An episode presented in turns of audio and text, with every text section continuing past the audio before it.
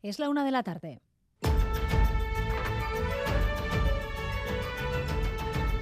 Crónica de Euskadi con María Cereceda. A Racha León, el gasto medio de los hogares vascos se situó el año pasado por encima de los 35.000 euros anuales, un 7% más que el año anterior, en un contexto de subida generalizada de precios, de subida de las hipotecas por los tipos de interés, alimentación y vivienda se llevan la mitad del presupuesto del hogar, el gas, la luz, pero también hemos incrementado el gasto en ocio. Rodrigo Manero, a Racha León. Sí, de media, cada hogar en Euskadi gastó el año pasado casi 4.000 euros en comer y alojarse fuera de casa. Esto es un incremento del 33% sobre el año anterior. Está claro que hay ganas de salir y el presupuesto para hoteles y restaurantes es el que más crece del presupuesto familiar. Un gasto que en total aumentó un 7,3%, impulsado por la inflación. La mitad se lo llevan las facturas relacionadas con alimentación, vivienda, luz, gas y combustibles. El gasto en energía es uno de los que más subió el año pasado. Recordarán que los carburantes estaban entonces por encima de los 2 euros el litro, seis meses después del fin de los descuentos generalizados y a las puertas de una nueva operación salida del verano. La realidad es bien distinta. Nuria Lecue, presidenta de la Asociación de Estaciones de Servicio de Vizcaya y vicepresidenta de la Confederación Estatal. Si la demanda es muy fuerte, pues podría subir algo el precio, pero no de una manera muy importante. Eso es lo que pensamos. Pero claro, luego viene un loco que va a invadir Moscú que al final no lo ha hecho, ¿no? Y nunca sabes lo que puede pasar, pero tampoco pensamos que vayan a ir a más de una manera muy espectacular. El Departamento de Seguridad va a reforzar la atención a víctimas de violencia machista. Va a destinar 30 agentes más, hasta el centenar, para gestionar esos casos en lugares como Gasteiz, donde tuvo lugar el último asesinato machista hace exactamente hoy un mes. Pasarán de 7 agentes a 12. Cada uno de ellos pasará a tener a su cargo casi la mitad de expedientes que tenía hasta ahora, con lo que podrá dedicar más tiempo a cada una de esas mujeres. Lo tallaba esta mañana en Boulevard el consejero Josué Coreca de unos 71 que se dedican ahora a aproximadamente 100. Eso nos permitirá aliviar la carga de trabajo, de manera que si en este momento cada agente de los que atienden los casos de violencia de género tiene que prestar atención a aproximadamente 75 casos, pasarían a ocuparse de aproximadamente 55. También se va a actualizar la herramienta con la que se evalúa el riesgo de cada víctima, una herramienta diseñada por el Instituto Vasco de Criminología que está siendo ya actualizada. Es 28 de junio, Día del Orgullo LGTBIQ, día para reivindicar el derecho a la libertad sexual por encima de los discursos que tratan de restringirlo. Los delitos de odio contra el colectivo se han multiplicado en los últimos años y aunque el apoyo es generalizado en el plano institucional, hoy es también una jornada de protesta, Joana Sánchez. Desde el Servicio de Atención al Colectivo Verdín llaman a denunciar las agresiones. Sin embargo, el Observatorio Vasco LGTBI advierte de la falta de formación y sensibilidad de los juzgados. Denuncian lentitud y falta de interés de la Fiscalía en el caso de los asesinatos en Bilbao. Por la tarde llegará el momento de las marchas, a las 7 desde la Plaza de la Virgen Blanca en Gasteiz, desde el Boulevard Donostiarra y desde el Baluarte en Iruña. Además, en Bilbao, una docena de asociaciones llaman a protestar contra el uso mercantilista del colectivo. La manifestación arrancará a las 7 y media desde Zabalburu.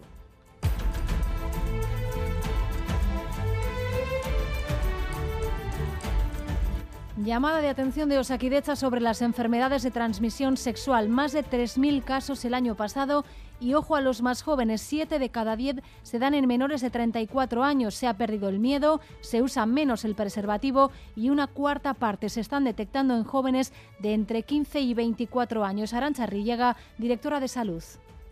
Destacar el dato de que las infecciones de transmisión sexual están afectando especialmente a las personas más jóvenes, de forma que alrededor de una cuarta parte se detectan en la franja de edad entre los 15 a los 24 años.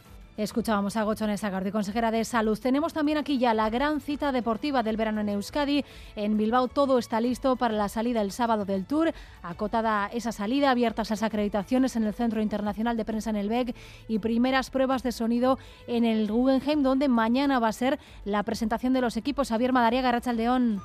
Sí, esto es un ir y venir de grúas, montacargas, furgonetas, eso mientras se hacen pruebas de sonido y de imagen. Todo se hace en medio de un mar de curiosos turistas ansiosos con la llegada del tour.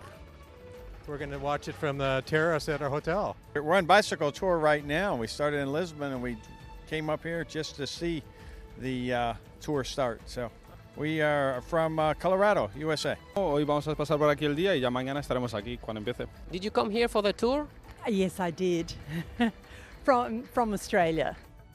En la explanada del Guggenheim está el escenario principal, pero mañana el espectáculo está garantizado en todo un recorrido entre el Euskalduna y el Guggenheim, donde los 176 corredores en su presentación darán sus primeras pedaladas bilbaínas y se darán también su primer baño de masas. El evento lo retransmite esta casa EITV para casi 200 países.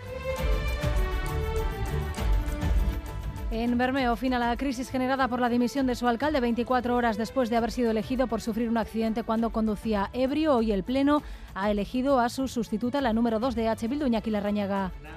Somalí. Nadia Nemes Somalí ha recogido la maquilla prometiendo dar continuidad al trabajo de su predecesor, Asier Larrauri, denunciando haber sufrido ataques sexistas y xenófobos. A pesar del enfado de los fascistas, ha señalado a Bermeo le irá bien con una mujer de origen palestino al frente. Mañana serán los plenos de investidura en las diputaciones de Álava y de Guipúzcoa. Ramiro González y Eider Mendoza están llamados a ocupar esos puestos en Guipúzcoa. Parece cuestión de horas, ya está prácticamente cerrado el acuerdo de PNV y PSE. Lo decía esta mañana en Euskal Televista el secretario de los general de los socialistas vascos, Eneco Andueza. Gertu dagozela ja akordioak, fiskalitate arloan flekoak ziren, ez dut uste aldea oso handia denik. Gure pisua handituko da. Diputatu ez dut esango, bai zuzendaritza bat edo beste gehiago eukiko degula horren konfidantza ere badaukat. No están tan claras las cosas en Donostia, donde Andueza abría la puerta a que Neko Goya termine gobernando en solitario.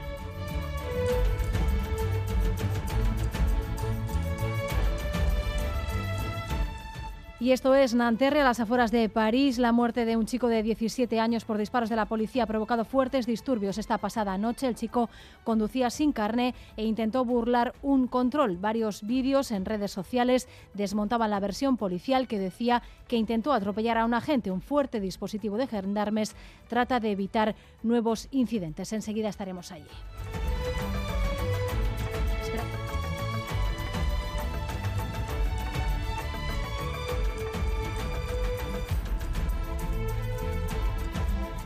Y en el marco del Festival Cinegoac se ha presentado esta mañana el primer informe sobre la diversidad sexual de identidad de género en el audiovisual contemporáneo vasco. El informe ha sido realizado por Cinegoac Elkartea para la Dirección de Promoción Cultural del Gobierno vasco y analiza la presencia del colectivo LGTBIQ+, en películas, en series, en documentales que se han estrenado entre 2020 y 2022. De las 400 obras audiovisuales producidas en el País Vasco en este periodo de tiempo, un 12%, es decir, casi 50, tienen representación de las realidades LGTBIQ+, en mayor o menor medida. Pau Guillén es director de programación del Festival Cinegoac. Hace como 15 años, o sea, las historias eran historias de conflictos de personas que necesitaban afirmarse su identidad o su orientación y eso afortunadamente ha ido evolucionando. Lo que también podemos percibir es que sí que aparecen los conflictos externos. El conflicto aparece cuando hay un problema de choque con su sociedad en la que vive, en entornos sociales, ¿no? entornos espacios sociales, sensaciones de LGTBI-fobia. Titulares del deporte, César Pérez Gazora, Zarrachaldeón. Arreciado María se acaba de sortear el calendario de segunda división. Esta temporada, esta próxima temporada no estará tras el ascenso a primera el Deportivo La Vez, pero sí la Morevieta. Los azules han regresado un año después a la categoría de plata y continúa la misma el Eibar. Va a comenzar la liga el 11 de agosto. En la primera jornada, el conjunto vizcaíno, los Daritz y Mújica, van a recibir en Lezama al Levante, al equipo Granota, mientras que el conjunto armero, el Eibar, el equipo que este año va a dirigir Josep Echeverría, va a viajar a Santander para medirse al conjunto del Racing. En cuanto al tiempo, el día ha arrancado nublado, aunque poco a poco está levantando, sobre todo en el sur, en la vertiente cantábrica, le costará algo más, incluso podría llegar a chispear en algunos puntos. El viento del norte cogerá fuerza en el interior, las temperaturas pueden subir algo hasta los 25 grados. Hasta ahora tenemos 24 en Bilbao y en Bayona, 23 en Iruña, 22 en Donostia y 20 grados en Gasteiz. En carreteras, atención hasta ahora en el Nacional 1 en Echegárate, un camión averiado está ocupando uno de los carriles en sentido Gasteiz. Y tenemos que darles las hoy por su confianza. Según la última medición del Estudio General de Medios, la audiencia de Radio Euskadi ha crecido un 24%, 172.000 oyentes diarios de lunes a viernes, son 32.000 más que el mismo periodo del año pasado. Radio Vitoria también sube de forma destacada, cuentan con 40.000 oyentes. Gracias por elegir un día más Radio Euskadi y Radio Vitoria para informarse. Raúl González y Arancha Prado están en la dirección técnica y Manuel Manterola en la coordinación. Crónica de Euskadi con María Cereceda.